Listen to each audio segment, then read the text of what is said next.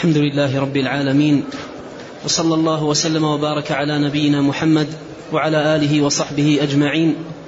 أما بعد فيقول شيخ الإسلام أحمد بن عبد الحليم بن عبد السلام بن تيمية رحمه الله تعالى وغفر له ولشيخنا والسامعين.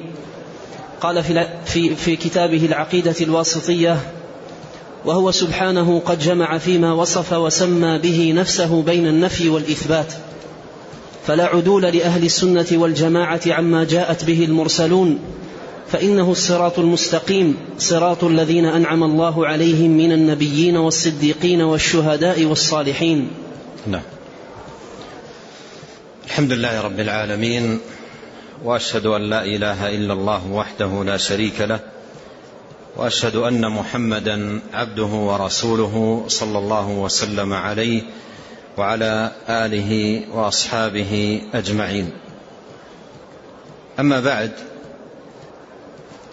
قال المصنف شيخ الإسلام ابن تيمية رحمه الله تعالى وهو سبحانه قد جمع فيما وصف وسمى به نفسه بين النفي والإثبات بين النفي والإثبات أي أن باب الأسماء والصفات يجمع الأمرين. يجمع الأمرين أي النفي والإثبات. بمعنى أن هناك صفات أثبتت لله سبحانه وتعالى وهناك أيضا صفات نفيت عن الله جل وعلا. وقل مثل ذلك في باب الأسماء. فهناك أسماء تدل على الإثبات. وهناك أسماء تدل على النفي. فالله سبحانه وتعالى جمع في ما وصف وسمى به نفسه بين النفي والإثبات. ولهذا قال أهل العلم الصفات نوعان صفات مثبتة وصفات منفية. صفات مثبتة وصفات منفية. صفات أثبتها جل شأنه وصفات نفاها عز وجل عن نفسه ونزه نفسه جل وعلا عنها. وقاعدة أهل السنة رحمهم الله في هذا الباب أنهم يدورون مع السنة حيث دارت نفيا وإثباتا. كما قال أحد أئمة السلف ندور مع السنة حيث دارت. حيث دارت أي نفيا أو إثباتا. بمعنى أن ما ثبت في الكتاب والسنة نثبته وما نفي في الكتاب والسنة ننفيه. لا نزيد على كتاب الله وسنة نبيه صلوات الله وسلامه عليه. وقد مر معنا قول الإمام أحمد رحمه الله تعالى لا يوصف الله إلا بما وصف به نفسه وبما وصفه به رسوله صلى الله عليه وسلم لا يتجاوز القرآن والحديث. وهذا أيضا هو معنى قول أهل العلم رحمهم الله تعالى إن الأسماء والصفات توقيفية. إن الأسماء والصفات توقيفية أي يتوقف في إثبات أي شيء منها على الشرع وعلى دلالة الشرع. وعلى ما جاء في كتاب الله سبحانه وتعالى وسنة نبيه صلوات الله وسلامه وبركاته عليه. وقد مر معنا قريبا إراد المصنف رحمه الله تعالى لقول الله عز وجل ليس كمثله شيء وهو السميع البصير وفيها جمع بين النفي والإثبات. النفي في قوله ليس كمثله شيء والإثبات في قوله وهو السميع البصير. وهذه الآية لها شأن كبير في هذا الباب باب الأسماء والصفات. ولها دلالات عظيمة. ولهذا قل أن تجد من ألف في باب الأسماء والصفات إلا ويستشهد بهذه الآية الكريمة ويستدل بها لأنها أتت على جماع هذا الموضوع وأصوله وقواعده اشتملت على فوائد كثيرة جدا. ولهذا يقول العلامة الشنقيطي رحمه الله تعالى عن هذه الآية. يقول رحمه الله تعالى عن هذه الآية قل تضمنت تعليما عظيما يحل جميع الإشكالات. تضمنت يقول رحمه الله تعليما عظيما يحل جميع الإشكالات. ويجيب عن جميع الأسئلة حول موضوع الأسماء والصفات. هذه الكلمة من هذا الإمام رحمه الله تعالى فيها بيان مكانة هذه الآية العظيمة ليس كمثله شيء وهو السميع البصير. فهي كما قال فيها تعليم عظيم يحل جميع الإشكالات ويجيب عن جميع الأسئلة. وقال في موضع آخر رحمه الله فيها إيضاح للحق في آيات الصفات لا لبس معه ولا شبهة البتة. وإذا تأمل المتأمل في هذه الآية العظيمة ودلالاتها يجد أنها اشتملت على فوائد جمة ودلالات عظيمة تتعلق بتوحيد الأسماء والصفات. من دلالاتها أنها اشتملت على الرد على الممثلة وذلك في قوله سبحانه وتعالى ليس كمثله شيء. والممثل هو الذي يقيس الله بخلقه ويجعل صفة الخالق كصفة المخلوق. تعالى الله عن ذلك علوا كبيرا. والتمثيل كفر بالله. من يمثل صفات الله بصفات المخلوقين هو في الحقيقة كافر بالله سبحانه وتعالى. قال الإمام أحمد رحمه الله الممثل الذي يقول يد كيدي وسمع كسمعي وبصر كبصري وإرادة كإرادتي. والله تعالى يقول ليس كمثله شيء وهو السميع البصير. فاستدل رحمه الله تعالى على بطلان مقالتهم وفساد نحلتهم بهذه الآية الكريمة التي فيها الدلالة الظاهرة على بطلان التمثيل.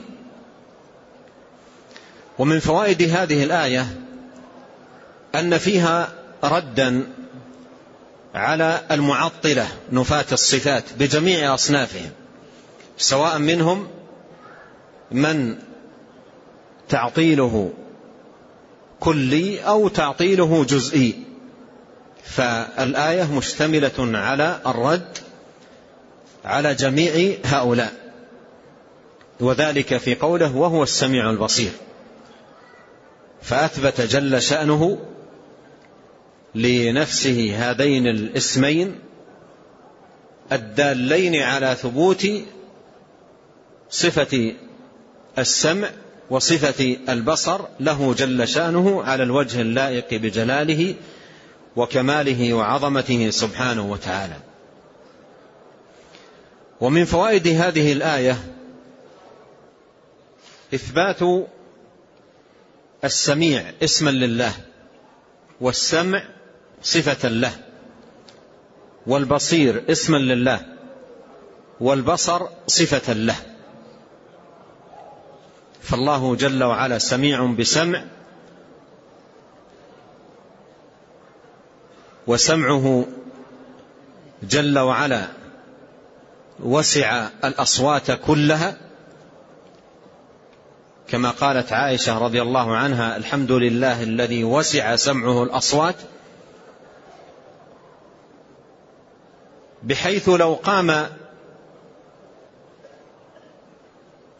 الناس أجمعين من أولهم إلى آخرهم مقاما واحدا في ساعة واحدة في صعيد واحد وسألوا حاجاتهم في لحظة واحدة كل بلهجته وكل بلغته وكل يذكر حاجته لسمعهم تبارك وتعالى أجمعين دون أن يختلط عليه سمع بسمع ولا بصر سمع بسمع ولا حاجة بحاجة.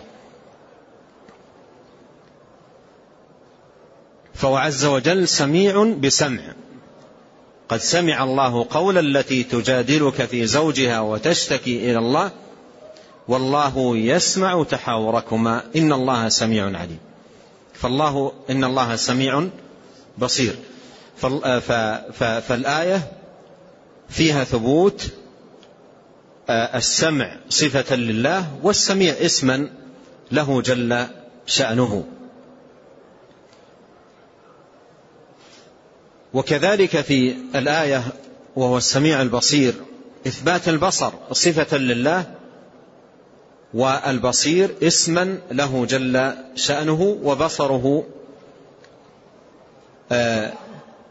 يرى به عز وجل جميع المبصرات وجميع الكائنات.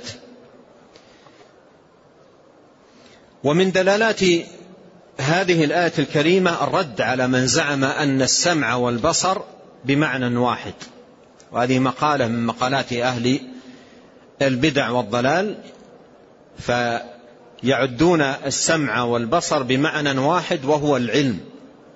فلا يثبتون لله سبحانه وتعالى آه، سمعا يليق بجلاله ولا بصرا يليق بجلاله بل يعدون السمع والبصر شيء واحد وهو العلم.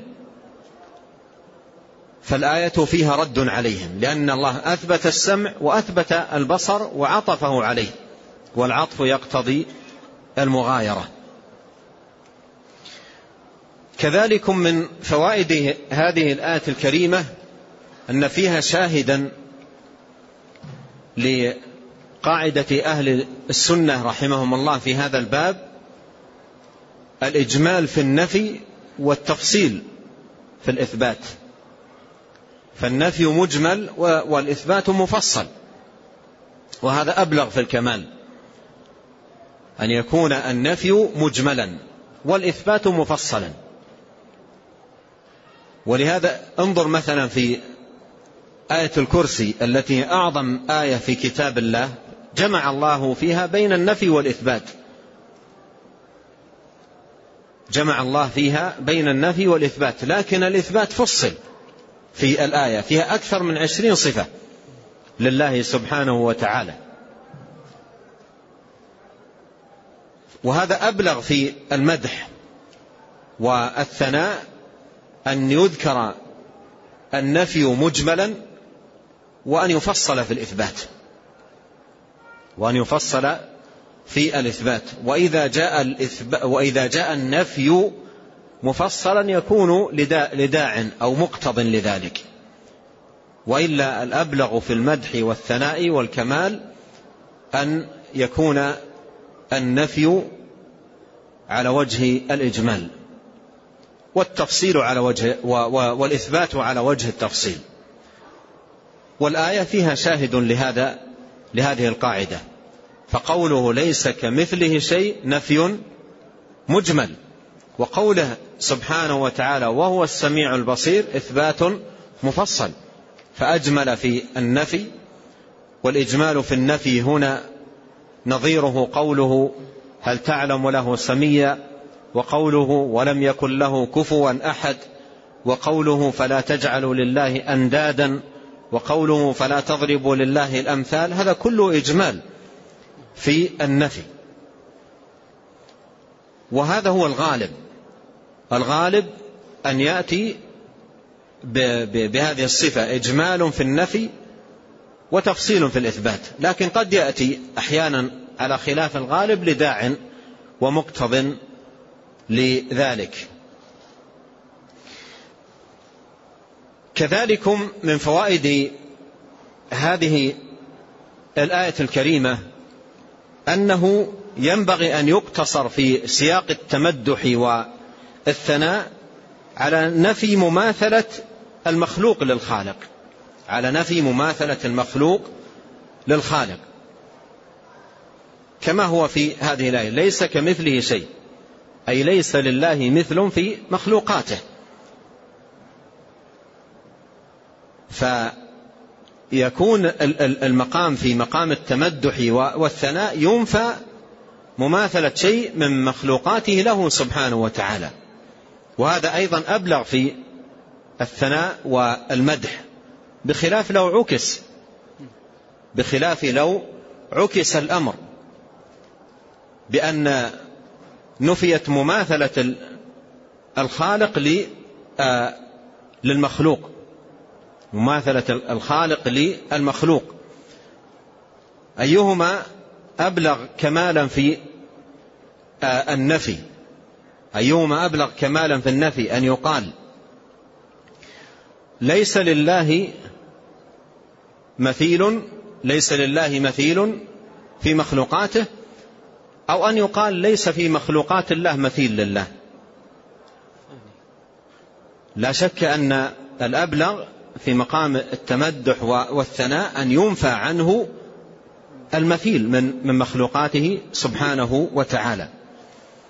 وهذا الذي جاء ورد في هذه الآية قال ليس كمثله شيء وهو السميع البصير.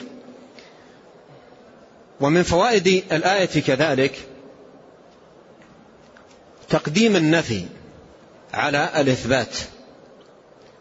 فتقديم النفي على الإثبات في قوله ليس كمثله شيء هو نظير تقديم النفي على الإثبات في قوله لا إله إلا الله. والنفي من قبيل التخلية والإثبات من قبيل التحلية. ويبدأ أولا بإخلاء المكان. يبدأ أولا بإخلاء المكان من كل ما يشين وكل ما يليق ثم يحلى بما هو حسن وطيب وجميل. فالتخلية مقدمة على التحلية ولهذا قال ليس كمثله شيء وهو السميع البصير. كذلكم من فوائد هذه الآية الكريمة أن فيها دلالة على كثرة صفات الله سبحانه وتعالى. أن فيها دلالة على كثرة صفات الله سبحانه وتعالى. خلافا لمذاهب المعطلة الذين يجحدون الصفات وينفونها محتجين بهذه الآية منزلين لها على غير آه، منزلها أو على غير وجهها ودلالتها. فالآية دالة على كثرة الصفات. فالله سبحانه وتعالى ليس كمثله شيء لكثرة صفاته وتعددها وعظمتها وكمالها وجلالها. هذا هو المراد بالآية. وليس المراد ليس كمثله شيء أي ليس له صفة. ليس كمثله شيء أي ليس له صفة. هذا ليس هو المراد بالآية. ليس هذا هو المراد بالآية. فالآية فيها دلالة على كثرة صفات الله سبحانه وتعالى. وأن الله عز وجل له الصفات العديدة الكثيرة الكاملة الدالة على جلال الرب وجماله وعظمته سبحانه وتعالى. ليس كمثله شيء. ثم ذكر بعض صفاته وأسماءه. قال وهو السميع البصير. وهو السميع البصير. فالآية فيها دلالة على كثرة صفات الله عز وجل. ومن فوائد هذه الآية أن فيها حثا للعباد على مراقبة الله سبحانه وتعالى وأن يحفظ الإنسان لسانه وأن يحفظ فعاله لأن الرب جل شأنه سميع بصير سميع بصير يسمع الأصوات كلها فاحفظ لسانك ويرى سبحانه وتعالى كل شيء فاحفظ فعالك. أن يراك سبحانه وتعالى حيث نهاك. أو أن تقول كلاما حرمه الله عليك ونهاه تبارك ونهاك تبارك وتعالى عنه. فالآية فيها حث على المراقبة وحفظ اللسان وحفظ العمل من كل أمر يغضب الله ويسخطه سبحانه وتعالى.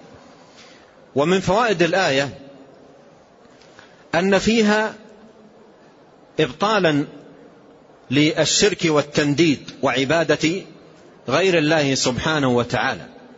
لأنك إذا تأملت السياق الذي سيقت فيه هذه الآية الكريمة تجد أنها سيقت في مساق تقرير توحيد العبادة وبيان وجوب إخلاص الدين لله. وذكرت على ذلك الدلائل والشواهد التي منها قوله ليس كمثله شيء وهو السميع البصير. فقوله ليس كمثله شيء وهو السميع البصير هذا برهان من براهين التوحيد. هذا برهان من براهين التوحيد وشاهد من شواهد وجوب إخلاص العبادة لله سبحانه وتعالى والحذر من اتخاذ الأنداد والشركاء. وأن العبادة حق لمن ليس كمثله شيء. وأن العبادة حق لمن ليس كمثله شيء سبحانه وتعالى.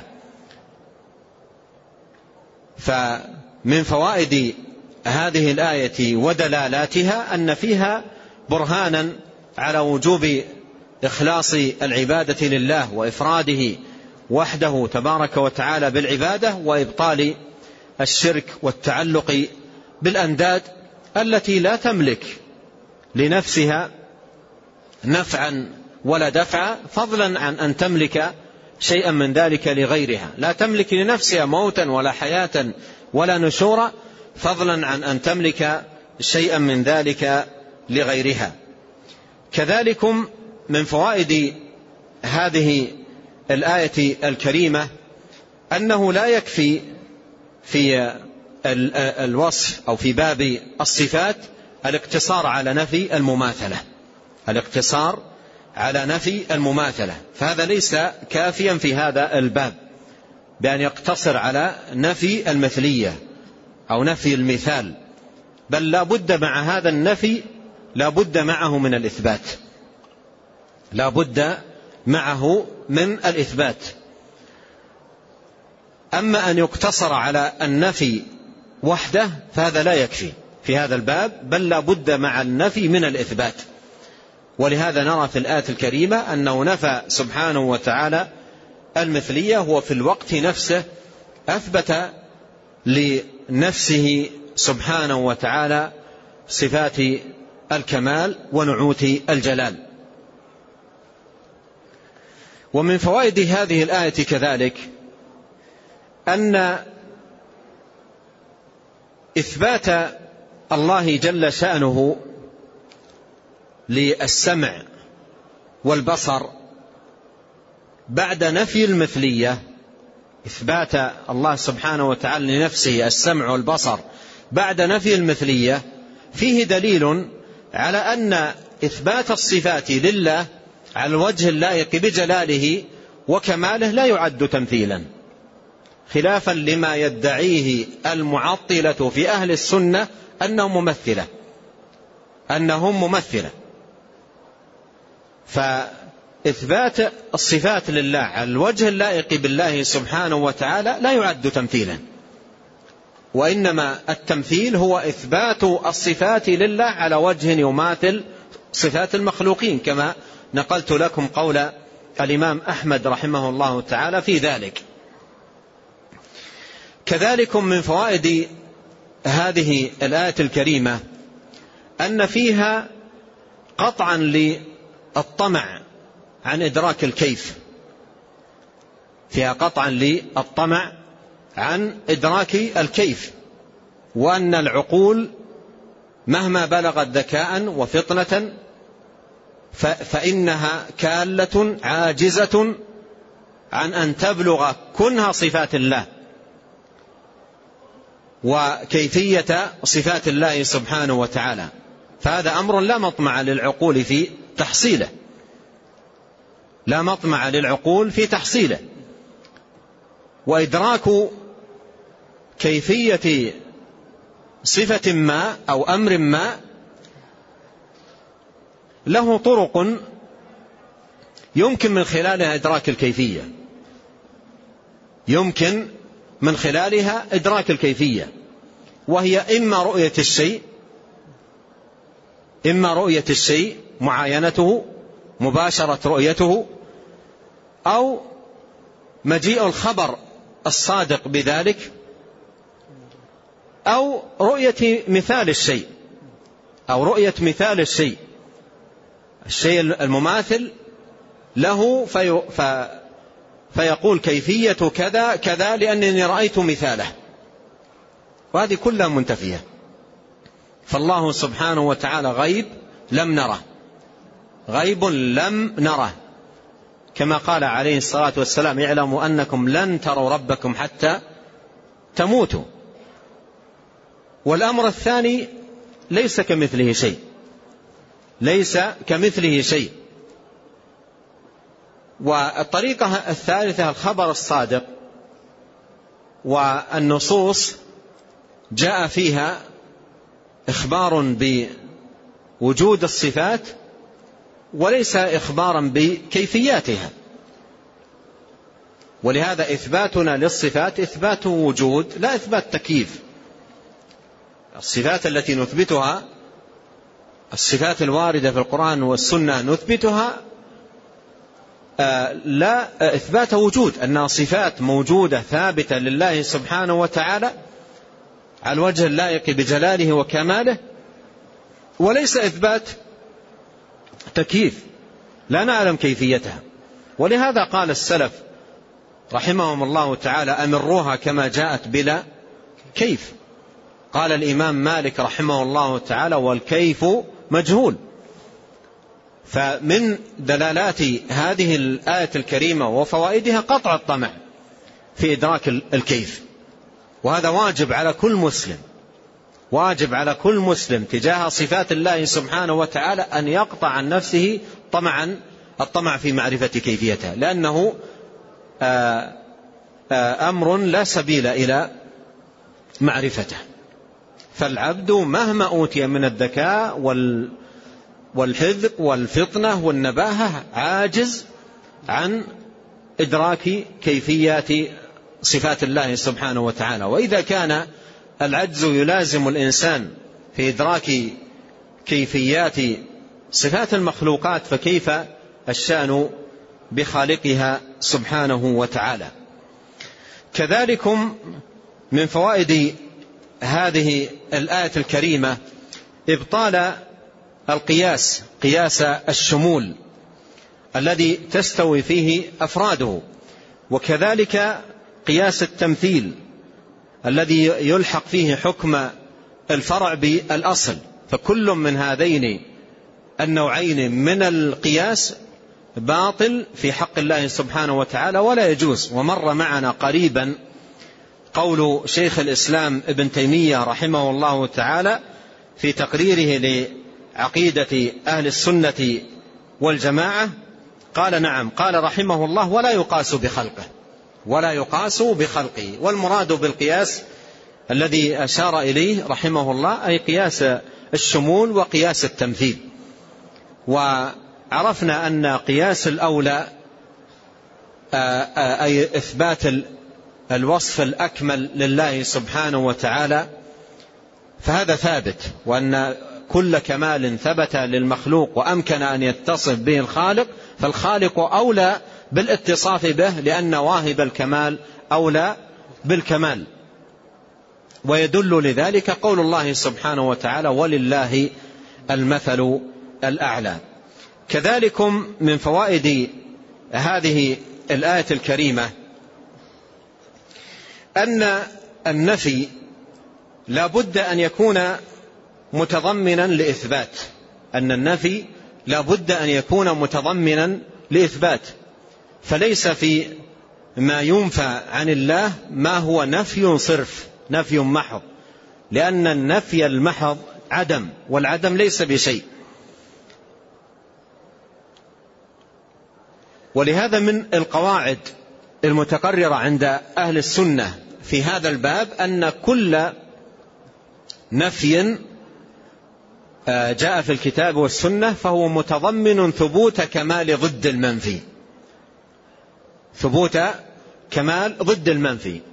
وهنا نفى سبحانه وتعالى عن نفي عن نفسه المثال ليس كمثله شيء.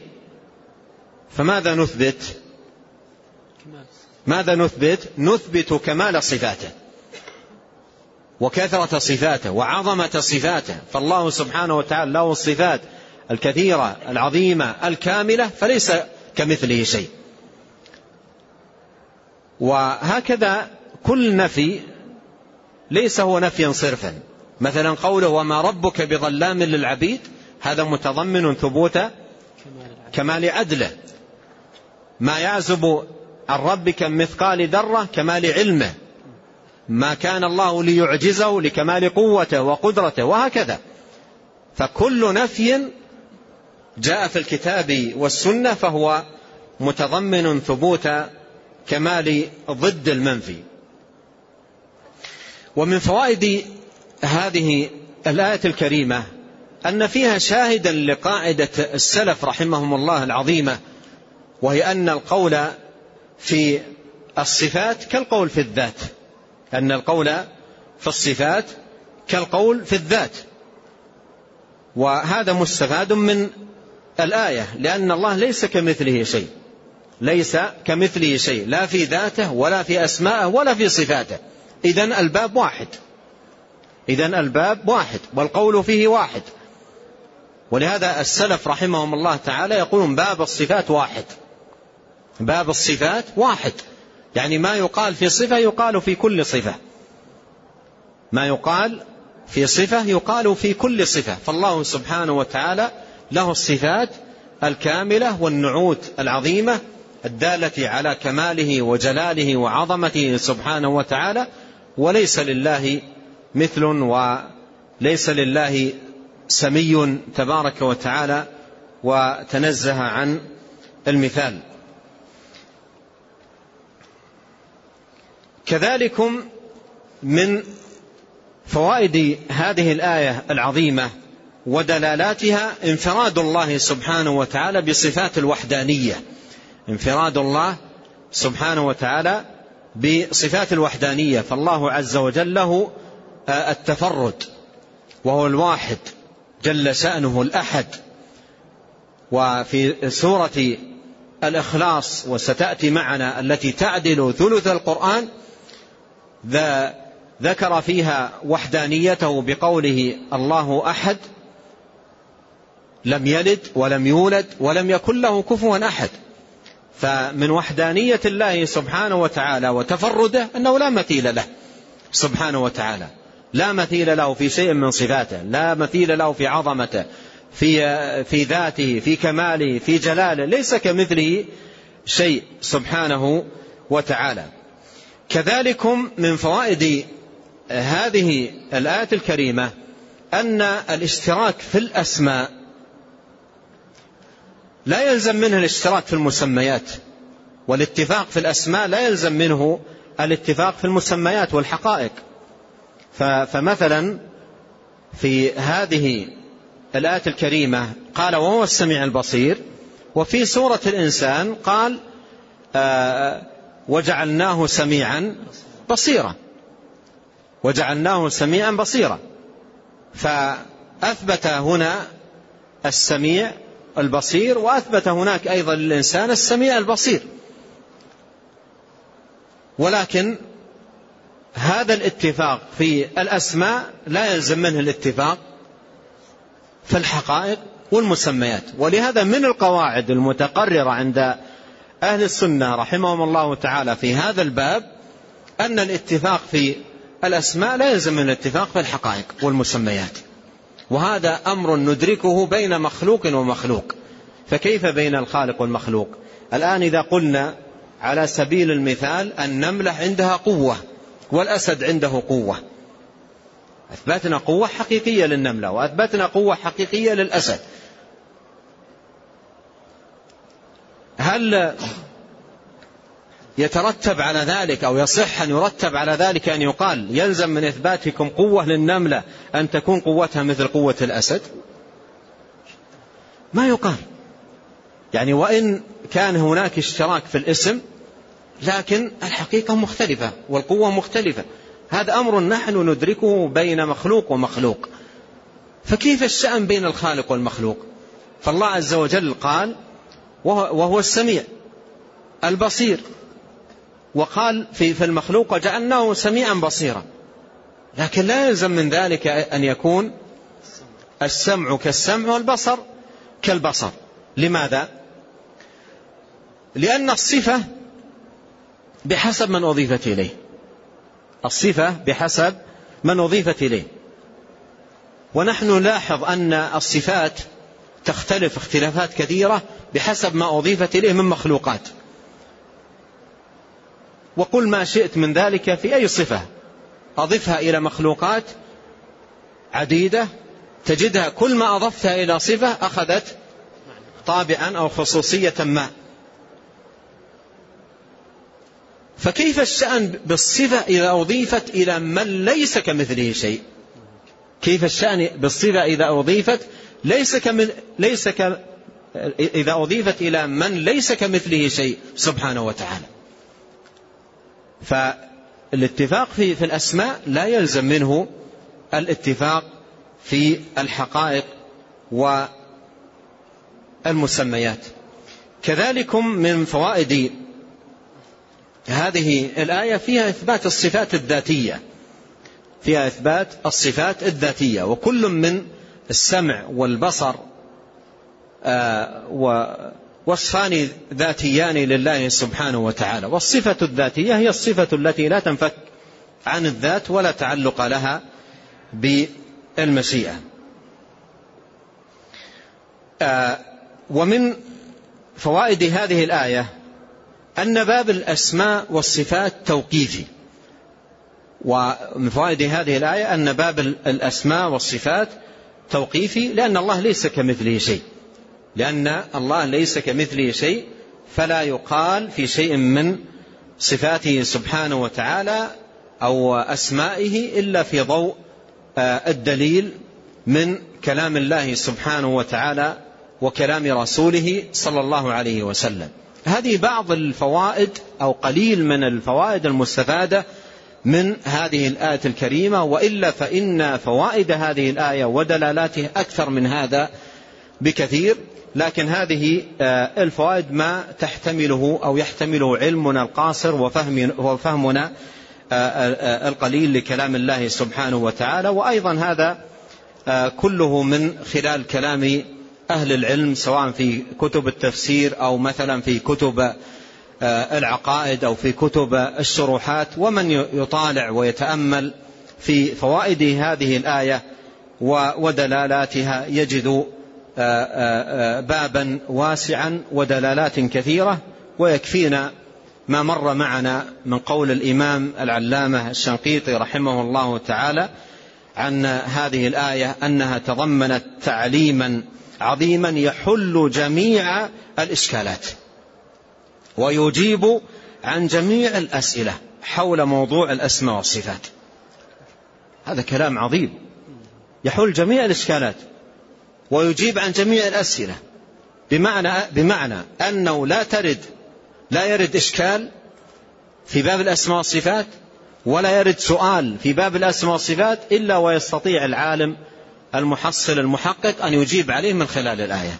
أي سؤال وأي إشكال في باب الأسماء والصفات يستطيع العالم المحقق أن يجيب عليه وأن يبين حل الإشكال الذي فيه أو يبين الإبهام أو يزيل الإشكال من خلال هذه الآية الكريمة العظيمة الجامعة التي تعد آه، أصلا جامعا وقاعدة كلية تجمع آه، ما يتعلق في هذا الباب باب الأسماء والصفات. لما ذكر رحمه الله لما ذكر شيخ الإسلام ابن تيمية رحمه الله تعالى أن الله سبحانه وتعالى جمع فيما وصف وسمى به نفسه آه، بين النفي والإثبات قال فلا عدول لأهل السنة والجماعة عما جاء به المرسلون. لا عدول أي لا ميل ولا انحراف. لأهل السنة والجماعة. أي أهل الحق والهدى والثبات على ما جاء عن رسول الله صلى الله عليه وسلم. لا عدول لهم عما جاء به المرسلون. لاحظ هنا المصنف رحمه الله تعالى يتكلم عن باب الصفات باب الأسماء والصفات والطريقة التي عليها أهل السنة في هذا الباب وأنهم يثبتون لله دون كذا ودون كذا. ثم ختم ذلك بقوله فلا عدول لأهل السنة عما جاء به المرسلون. مشيرا بذلك أن القول في الصفات مشيرا بذلك أن القول في الصفات الذي عليه أهل السنة والجماعة هو قول النبيين والمرسلين قاطبة. هو قول النبيين والمرسلين قاطبة هذا قولهم. فكل نبي بعثه الله سبحانه وتعالى هو على هذه العقيدة يصف الله بما وصفه بما وصف به نفسه. وينزه الله عما نزه سبحانه وتعالى عنه نفسه. وقد مر معنا أن الله سبحانه وتعالى سلم على المرسلين بعد تنزيهه لنفسه عما يصفه به أعداء الرسل. لماذا؟ لسلامة ما قاله المرسلون في حق الله من نقص والعيب. والأنبياء والرسل عليهم صلوات الله وسلامه قولهم من أولهم إلى آخرهم في باب الصفات وفي أصول الدين عموما واحد. ولهذا قال عليه الصلاة والسلام نحن الأنبياء أبناء علات. ديننا واحد وأمهاتنا شتى. وقال شرع لكم من الدين ما وصى به نوحا. شرع لكم من الدين ما وصى به نوحا. قارن هذا مع قوله لكل جعلنا منكم شرعة ومنهاجا. لأن الشريعة تطلق على العقيدة وأصول الديانة وتطلق على الأحكام. فالأنبياء من حيث الشريعة التي التي أصول الديانة وأصول الاعتقاد دينهم واحد. لا اختلاف بين نبي وآخر. ولهذا قال عليه الصلاة والسلام نحن الأنبياء أبناء علات. نحن الأنبياء أبناء علات. ديننا واحد. هذا معنى أبناء علات. ديننا واحد. وأمهاتنا شتى أي شرائعنا مختلفة. لكل جعلنا منكم شرعة ومنهاجا. لكن الدين واحد الأصول واحدة العقائد واحدة. لا فرق بين نبي ونبي. ولهذا قال العلماء العقيدة لا يدخلها نسخ. العقيدة لا يدخلها نسخ لا في شريعة النبي الواحد ولا أيضا في شريعة الأنبياء. لا يأتي نبي وينسخ عقيدة جاء بها نبي قبله. ولا أيضا يأتي نبي بعقيدة ثم فيما بعد ينسخ تلك العقيدة. فالعقيدة لا يدخلها نسخ. عقيدة واحدة. القول فيها واحد. طريقة الأنبياء فيها واحدة. مذهبهم فيها واحد. جادتهم واحدة. كلهم على عقيدة واحدة.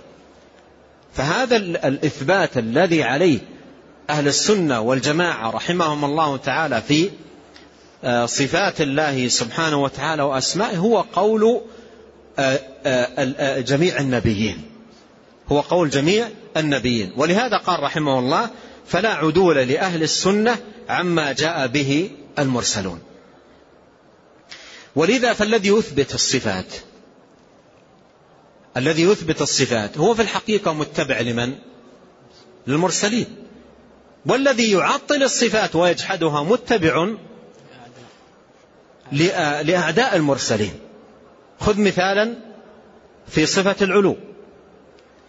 موسى عليه السلام مما أخبر به فرعون مما أخبر به فرعون أن الرب الذي يعبده في السماء. موسى عليه السلام أخبر فرعون بأن الرب الذي يعبده في السماء. سبحانه وتعالى. ولهذا قال يا هامان ابن لي صرح. يا هامان ابن لي صرح. لماذا؟ لعلي أبلغ الأسباب أسباب السماوات فأطلع إلى إله موسى. لأن موسى قال إن ربه في السماء. فقال ابن لي صرحا لعلي أبلغ الأسباب أسباب السماوات فأطلع إله إلى إله موسى وإني لأظنه كاذبا. وإني لأظنه كاذبا أي يعني يقول فرعون أظن الظنون الاعتقاد أظن موسى كاذبا أي فيما ادعاه أن الله في السماء. ولهذا رام أن يبني صرحا عاليا مسيدا رفيعا لينظر بزعمه. فإذا موسى يثبت العلو وفرعون يجحد. ولهذا قال بعض السلف من أثبت العلو فهو موسوي ومن نفى العلو فهو فرعوني. من أثبت العلو فهو موسوي ومن نفى العلو فهو فرعوني لأن عقيدة موسى إثبات العلو وعقيدة فرعون جحد.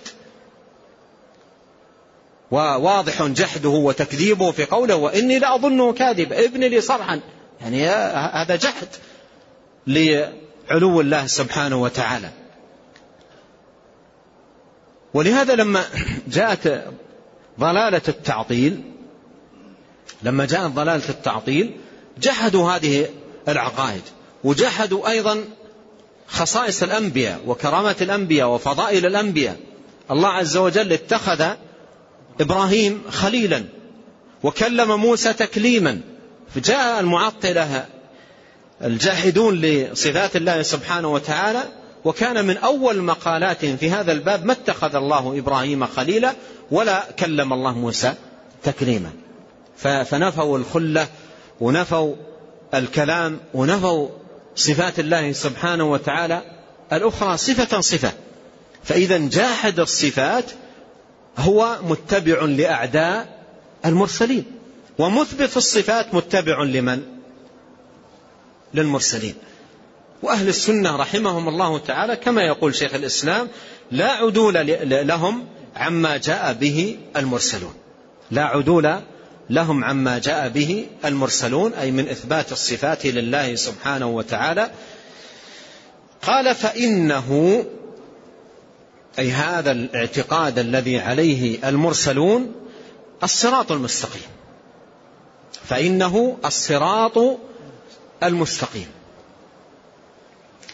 والصراط هو الطريق. والطريق يطلق عليه صراط إذا كان واضح بين واسع موصل للمقصود ليس فيه التواء ولا انحراف ولا اعوجاج. فقال لا عدول لأهل السنة عن ما جاء به المرسلون فإنه الصراط المستقيم والإستقامة تعني عدم الانحراف أو الاعوجاج أو الالتواء فالطريق المستقيم هو الموصل إلى آه، المقصود بدون التواء وبدون انحراف. وقد جاء عن النبي عليه الصلاة والسلام في حديث ابن مسعود أنه عليه الصلاة والسلام خط خطا مستقيما وخط على جنبتيه خطوط. وقال مشيرا للخط المستقيم قال هذا صراط الله وهذه سبل. وهذه سبل. وعلى كل سبيل منها شيطان يدعو إليه. وعلى كل سبيل منها شيطان يدعو إليه. والله عز وجل يقول وأن هذا صراطي مستقيما. فاتبعوه ولا تتبعوا السبل. وحد الصراط. لأنه ليس هناك ما يوصل إلى الله إلا طريق واحد وهو الطريق الذي جاء به المرسلون. وهو الطريق الذي جاء به المرسلون طريق واحد. فيجب أن يوحد, أن يوحد تابعهم الصراط والطريق. يجب أن يوحد تابعهم الطريق. قال ابن القيم رحمه الله فلواحد كن واحدا في واحد أعني طريق الحق والإيمان. لا بد أن يوحد الطريق. لا بد أن يوحد الطريق يعني أن يسلك في سيره إلى الله سبحانه وتعالى طريقا واحدا وهو الطريق الذي كان عليه المرسلون فهو الصراط المستقيم. ولا بد كما في, في, في بيت ابن القيم رحمه الله فلواحد كن واحدا. في واحد أشار إلى ثلاث أنواع من التوحيد. أشار رحمه الله إلى ثلاث أنواع من التوحيد توحيد المطلوب وتوحيد الطلب وتوحيد الطريق الموصلة إلى المطلوب. هذه ثلاث أنواع من التوحيد لا بد منها. وافهمها جيدا ينفعك الله سبحانه وتعالى بها. وهذا معنى قوله فلواحد كن واحدا في واحد. ثلاث أنواع من التوحيد. ثلاث أنواع من التوحيد. التوحيد الأول توحيد المطلوب. توحيد المطلوب أي المقصود بالعبادة الملتجأ إليه وهو الله سبحانه وتعالى وحده. وتوحيد المطلوب يكون بماذا؟ بالإخلاص. توحيد المطلوب يكون بالإخلاص. إخلاص النية لله وأن لا يقصد بالعمل إلا الله سبحانه وتعالى وأن لا يبتغى بالعمل إلا الله لا يقصد بالعمل إلا هو سبحانه وتعالى. فلا, فلا يصرف شيء من العبادة لغيره. فتوحيد المطلوب عصمة للعبد من الشرك والرياء والسمعة ونحو ذلك من نواقض الإخلاص. والتوحيد الثاني توحيد الطلب. توحيد الطلب. وبتوحيد الطلب تجتمع عزيمة الإنسان تجتمع عزيمة الإنسان وتتوافر همته فيكون طلبه واحدا لا مشتتا ليس متشتتا. فإذا وحد الطلب سلم من المعاصي والبطالة. إذا وحد الطلب سمع سلم من المعاصي والبطالة لأن طلبه واحد يعني قلبه مجتمع على طلب واحد متوافر على طلب واحد وهو ماذا؟ آه آه تحقيق طاعة الله تحقيق آه ما, ما يرضي الله توافرت همته على ذلك. فإذا وحد الطلب صح بذلك صحت بذلك عزيمة الإنسان وصح صدقه مع الله سبحانه وتعالى. وتوحيد الطلب آه، وتوحيد الطلب هو توحيد المراد. توحيد الطلب آه، عفوا هو توحيد الإرادة. هو توحيد الإرادة وتوحيد المطلوب هو توحيد المراد. فالمراد واحد وهو الله. والإرادة واحدة يعني أن القلب مجتمع على مقصود واحد. فإذا وحد العبد الطلب سلم من المعاصي والبطالة لأن همته وعزيمته مجتمعة على طلب واحد وهو ما ينال به رضا الله سبحانه وتعالى. والنوع الثالث من التوحيد توحيد الطريق الموصل إلى الله سبحانه وتعالى. وإذا وحد الإنسان الطريق سلم من البدع. لأن البدع يقع فيها الإنسان عندما لا يوحد الطريق يتبع السبل. أما إذا وحد الطريق وكان له في عبادة لله وتقربه لله طريق واحد لا ينحرف عنه لا يسلك غيره يسلم من البدع. فإذا بتوحيد المطلوب سلامة من الشرك وبتوحيد الطلب سلامة من المعاصي بتوحيد الطريق سلامة من البدع. وهذه الثلاث الشرك والمعاصي والبدع هي عوائق الطريق. هذه الثلاث الشرك والبدع والمعاصي هي عوائق الطريق هي التي تعوق العبد في طريقه وفي سيره لله سبحانه وتعالى. فالعوائق ثلاث شرك وبدعة ومعصية. يسلم من عائق الشرك بتوحيد المطلوب ويسلم من عائق آه، آه، البدعة بتوحيد الطريق الموصل إلى المطلوب ويسلم من عائق المعصية بتوحيد الطلب بتوحيد آه، الطلب.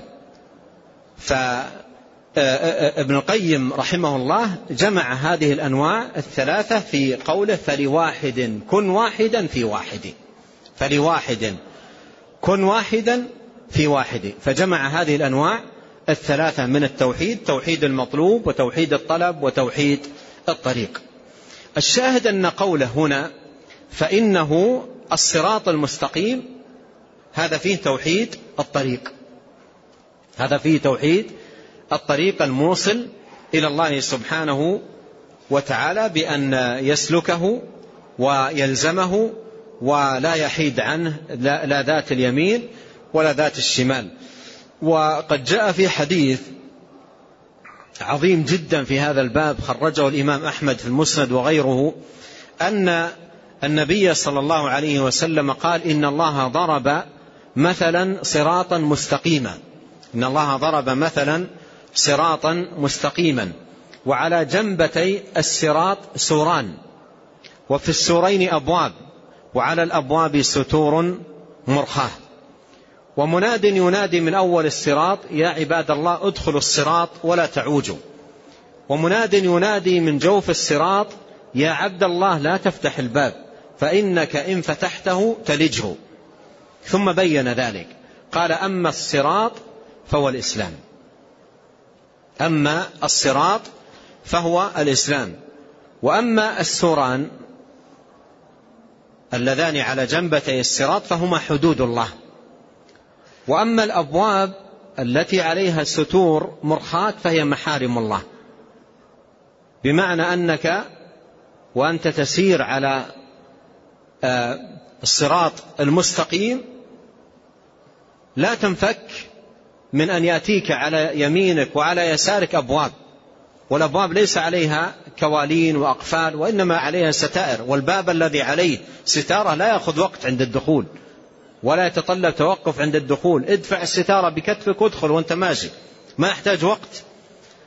فهذا مما يدل على أن خروج الإنسان على على عن, عن الصراط يعني هو عرضة لذلك آه، بين وقت وآخر. ودعوة الأنبياء يوم القيامة على الصراط يا ربي سلم سلم. الإنسان يرجو لنفسه السلامة من أن يخرج عن صراط الله سبحانه وتعالى إلى باب من هذه الأبواب وهي لا توصل إلا إلى جهنم. فالطريق إلى الجنة واحد وهو لزوم الصراط المستقيم. قال وعلى جنبتي الصراط أبواب وعلى أبواب ستور مرخات هذه محارم الله. قال والداعي الذي يدعو من أول الصراط هو كتاب الله. والداعي الذي يدعو من جوف الصراط هو واعظ الله في قلب كل مسلم. الذي يقول يا عبد الله لا تفتح الباب إنك إن فتحته تلجه هذا واعظ الله في قلب كل مسلم. وهذا الواعظ يوجد عند الإنسان المستقيم. تجده إذا حدثت نفس نفسه بمعصية قلبه يبدأ يعني يتمنع ويتخوف وينبض نبضا شديدا ويقلق ولا يرتاح. هذا واعظ جعله الله سبحانه وتعالى في قلب كل مسلم. لكن مع كثرة الإمساس يفسد الإحساس ويتبلد الإنسان. لكن الإنسان المستقيم معه هذا الواعظ وكل ما أرادت نفسه أن تميل تجده ينقبض ينكمش يقلق قلبه ينزعج لا يرتاح. هذا واعظ الله في قلب كل مسلم. الشاهد أن أهل السنة والجماعة لا عدول لهم عن آه، ما جاء به المرسلون فإنه الصراط المستقيم. فإنه الصراط المستقيم. والصراط الذي يتحدث عنه هنا هو الصراط المعنوي الذي نصبه الله لعباده في هذه الدنيا ليسلكوه وليسيروا عليه ليوصلهم إلى رضوان الله سبحانه وتعالى وجنات النعيم. وهناك صراط حسي ينصب يوم القيامة على متن جهنم. هناك صراط حسي ينصب يوم القيامة على متن جهنم أحد من السيف وأدق من الشعر. والعبور إلى الجنة من فوقه. والنار تحت الإنسان. نار تلظى تحت الإنسان ويمر من فوقها على صراط أحد من السيف وأدق من الشعر. وإن منكم إلا واردها. وإن منكم إلا واردها كان على ربك حتما مقضيا فنحن من الورود والمرور على يقين. وأما النجاة فنسأل الله عز وجل أن يكتبها لنا أجمعين. فمن زحزح عن النار وأدخل الجنة فقد فاز. وما الحياة الدنيا إلا متاع الغرور. وذاك الصراط الذي ينصب على متن جهنم يوم القيامة نصيب العبد وحظه من المرور عليه بحسب نصيبه وحظه من السير على الصراط الذي في هذه الحياة. ولهذا كان العابرون على الصراط يوم القيامة متفاوتون كما جاء في الحديث منهم من يمر كالبر ومنهم من يمر كالريح ومنهم من يمر كأجاويد الخيل وكركاب الإبل ومنهم من يمر جريا ومنهم من يمر مشيا ومنهم من يمر زحفا. تفاوت كبير جدا في هؤلاء العابرين على الصراط. ليس عبورهم على آه، نسق واحد أو بدرجة واحد. لماذا؟ لأن سيرهم على الصراط المستقيم في هذه الحياة الدنيا متفاوت تفاوتا أو متباين تباينا كبيرا. ليسوا في, في ذلك على درجة واحدة. ولهذا بحسب حظ الإنسان من السير على هذه على هذا الصراط المستقيم في هذه الحياة الدنيا يكون سيره وعبوره على الصراط المستقيم الذي ينصب على متن جهنم يوم القيامة. قال صراط بضم الطاء بدل من صراط الأولى صراط الذين أنعم الله عليهم. صراط الذين أنعم الله عليهم. لما ذكر الصراط واستقامته لما ذكر الصراط واستقامته ذكر أهل الصراط. ذكر أهل الصراط. من هم؟ قال صراط الذين أنعم الله عليهم من النبيين والصديقين والشهداء والصالحين. وعندما يذكر للسالك عندما يذكر للسالك السائرون على هذا الصراط تزول عن الوحشة حتى لو كان وحده.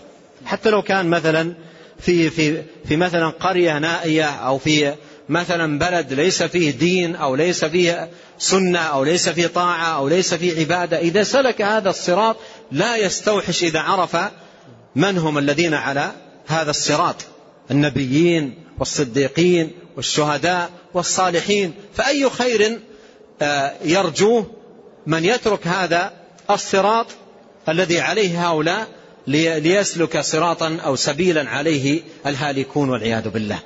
فإذا عرف الإنسان أهل الصراط تزول عن الوحشة.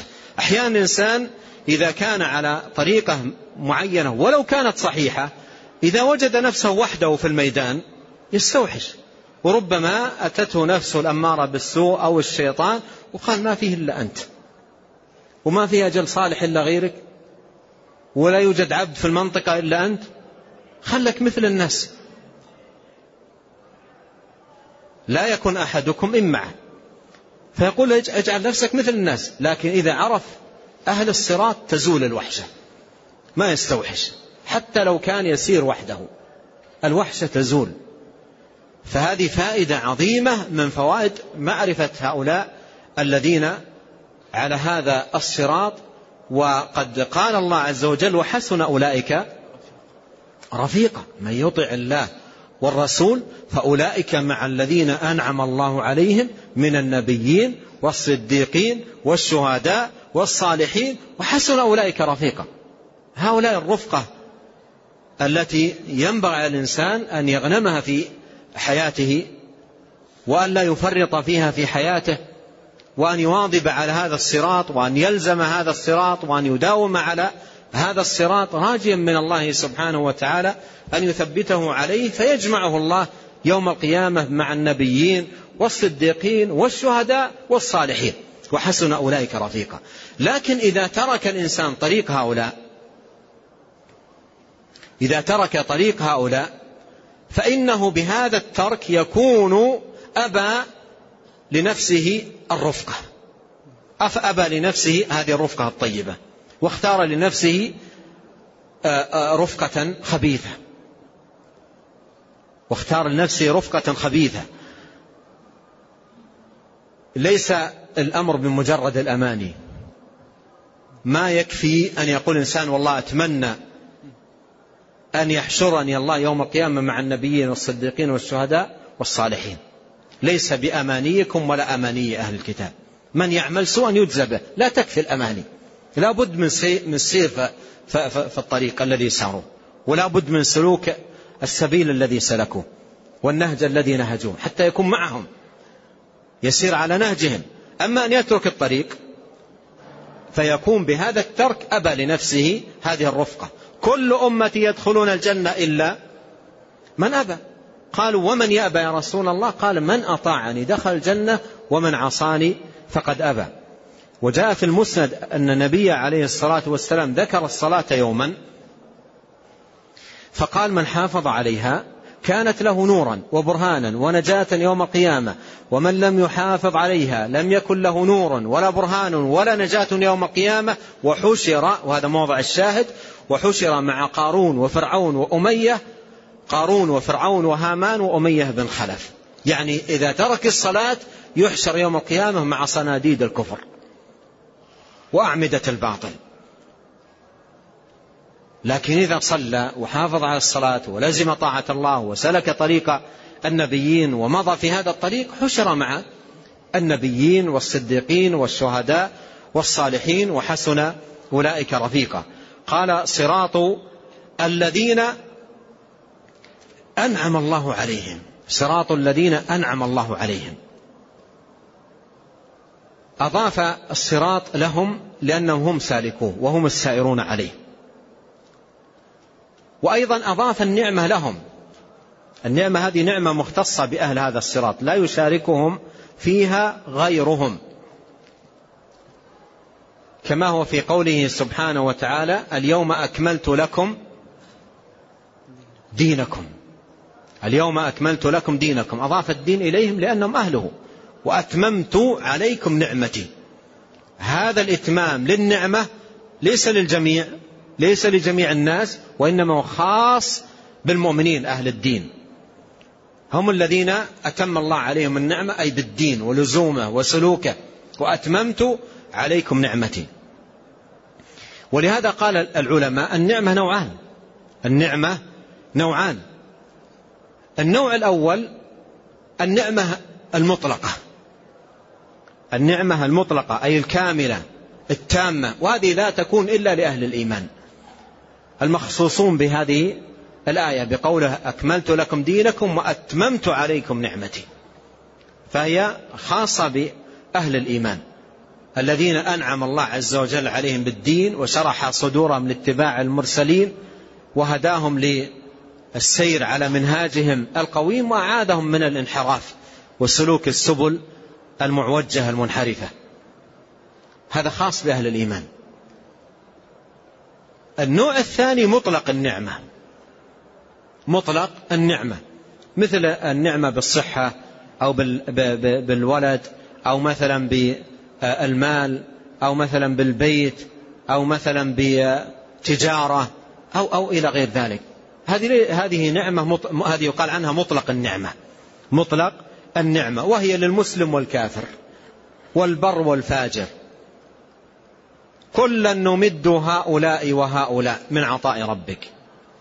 يعني المسلمين والكفار. كلا نمد هؤلاء وهؤلاء. وفي سورة الفجر قال جل شأنه فأما الإنسان إذا ما ابتلاه ربه فأكرمه ونعمه فيقول ربي أكرمن. نعمه المراد بنعمه بماذا؟ النعمة النعم هذه المشتركة. مال تجارة آه، أولاد آه، رئاسة إلى غير ذلك. فأما الإنسان إذا ما ابتلاه ربه فأكرمه ونعمه فيقول ربي أكرمن.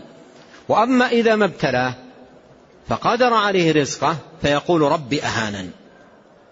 هذا يقوله الإنسان يقوله الإنسان إذا رأى آه، في في نفسه سعة في النعم والخيرات والأموال والتجارات يقول ربي أكرمن هذا المال وهذه التجارات هذه إكرام لي. وأن لي مكانة وأنا لي منزلة وأنا حقيق إلى آخره. وأما إذا ما ابتلاه فقدر عليه رزقه فيقول ربي أهانا الله عز وجل يقول كلا. لما ذكر قول إنسان ختم ذلك بقوله كلا. يعني ليس الأمر كما يقول. ليس من يوسع الله عليه في النعمة والمال والتجارة دليل على أنه مكرم عند الله. وليس من ضيق الله عليه في المال والصحة والولد أنه مهان عند الله. بل هذا وذاك مبتلى. هذا مبتلى بالنعمة وهذا مبتلى بالمصيبة والفقر والحاجة. هذا مب... ونبلوكم بالشر والخير فتنة وإلينا ترجعون. ومن يكرم الله من يكرمه الله بنعمة الدين التي هي النعمة المطلقة التي خص الله سبحانه وتعالى بها أهل الدين ينجح سواء وسع الله عليه في المال أو آه، ضيق, الله ضيق عليه في المال ينجح في كلا الامتحانين. ولهذا قال عليه الصلاة والسلام مشيرا إلى هذا النجاح العظيم في الامتحانين قال عجبا لأمر المؤمن. عجبا لأمر المؤمن. إن أمره كله خير وذلك لا يكون إلا للمؤمن. إن أصابته سراء شكر فكان خيرا له وإن أصابته ضراء صبر فكان خيرا له وذلك لا يكون إلا للمؤمن. المؤمن ينجح في الامتحانين في السراء والضراء. في السراء يفوز بثواب الشاكرين. وفي الضراء يفوز بثواب الصابرين فهو ناجح في سرائه وضرائه وفي شدته ورخائه. هذا كله إنما يناله من كان من أكرمه الله عز وجل بنيل هذه النعمة الخاصة نعمة الإيمان. اليوم أكملت لكم دينكم وأتممت عليكم نعمتي يعني بالدين. تتم النعمة بالدين. وأتممت عليكم نعمتي ورضيت لكم الإسلام دينا. قال هنا صراط الذين أنعم الله عليهم. صراط الذين أنعم الله عليهم أي بالنعمة التامة. النعمة التامة نعمة الدين. بعض هؤلاء لو تقرأ في سيرهم تجد أنه مر بعض مر عليه فيما يتعلق بدنياه مصائب عظيمة. من فقر من مرض من شدة من حاجة إلى آخره. لكن هذه كلها ما تضرهم عند الله. بل هي تكون رفعة لهم عند الله سبحانه وتعالى. ومن يقرأ سير بعض الأنبياء وأخبار بعض الصالحين وأخبار تجد بعضهم يعني أصيب بأنواع من الابتلاءات والشدات التي رفعه الله سبحانه وتعالى بها مكانا عليا ومنزلة رفيعة. فالمراد بالنعمة هنا نعمة الدين. نعمة الدين. قال صراط الذين أنعم الله عليهم. أنعم الله عليهم. والنعمة هنا التي هي نعمة الدين تجمع آه، أمرين وهما العلم والعمل. العلم والعمل. ولهذا في سورة الفاتحة قال اهدنا الصراط المستقيم صراط الذين أنعمت عليهم غير المغضوب عليهم ولا الضالين. فالمنعم عليهم أهل العلم والعمل أهل العلم النافع والعمل الصالح والمغضوب عليهم من عندهم علم لا يعملون به والضالون الذين يعملون بلا علم. فلا تتم النعمة إلا بالعلم النافع والعمل الصالح. وقد كان عليه الصلاة والسلام كل يوم إذا صلى الصبح قال اللهم إني أسألك علما نافع نافعا ورزقا طيبا وعملا صالحا. وفي رواية وعملا متقبلا. قال من النبيين والصديقين والشهداء والصالحين. وهؤلاء صفة الخلق على اختلاف مراتبهم. أكمل الخلق النبيين. أكمل الخلق النبيون. ثم يليهم آه، الصديقون ثم آه، الشهداء ثم الصالحون. أكمل خلق الله الأنبياء. هم صفة خلق الله سبحانه وتعالى. ثم يلي الأنبياء في الرتبة الصديقون. والصديقية هي أعلى رتبة. أعلى رتبة. وهي آه، بلوغ الكمال والتمام في تحقيق التصديق والإيمان والإذعان والطاعة لله سبحانه وتعالى والاتباع للمرسلين والانقياد التام لما جاءوا به. وأكمل الأمة أمة محمد صلى الله عليه وسلم تحقيقا لما لهذه المرتبة هو أبو بكر الصديق. رضي الله عنه. بل خذوا فائدة. ألا وهي أن أبا بكر الصديق أكمل الناس تحقيقا لهذه المرتبة في أمم جميع الأنبياء. أكمل الناس تحقيقا لهذه المرتبة في أمم جميع الأنبياء. ولهذا نستطيع أن نقول بلا تردد أن أبا بكر الصديق رضي الله عنه وأرضاه أفضل الناس بعد الأنبياء في جميع الأمم. ليس فقط أفضل أمة محمد عليه الصلاة والسلام هو أفضل الناس بعد الأنبياء في جميع الأمم رضي الله عنه وأرضاه. ودل على ذلك ما ثبت عن النبي صلى الله عليه وسلم أنه قال أبو بكر وعمر سيدا كهول أهل الجنة من الأولين والآخرين عدا النبيين. سيدا كهول أهل الجنة من الأولين والآخرين. ما خصه بالآخرين. قال من الأولين والآخرين عدا النبيين. استثنى الأنبياء فقط. ولهذا نقول بلا تردد إن أبا بكر رضي الله عنه وأرضاه هو أفضل الناس بعد الأنبياء. وهو أكمل من حقق هذه الرتبة في, في, في أمم الأنبياء جميعا. آه والشهداء الشهيد هو الذي مات آه محتسبا مقاتلا في سبيل الله. يرجو بقتاله وجهاده وجه الله سبحانه وتعالى. من قاتل لتكون كلمة الله هي العليا فقتل صابرا محتسبا مقبلا ليس مدبر. فهذا هو الشهيد. وأيضا من الشهداء من هم شهداء في آه، أحكام الآخرة؟ وهو المطعون والمبطون والغريق ونحوهم. ولكنهم في الدنيا يعاملون معاملة غيرهم يغسلون ويكفنون ويصلى عليهم لكنهم في أحكام الآخرة آه، شهداء. شهداء. وهناك شهداء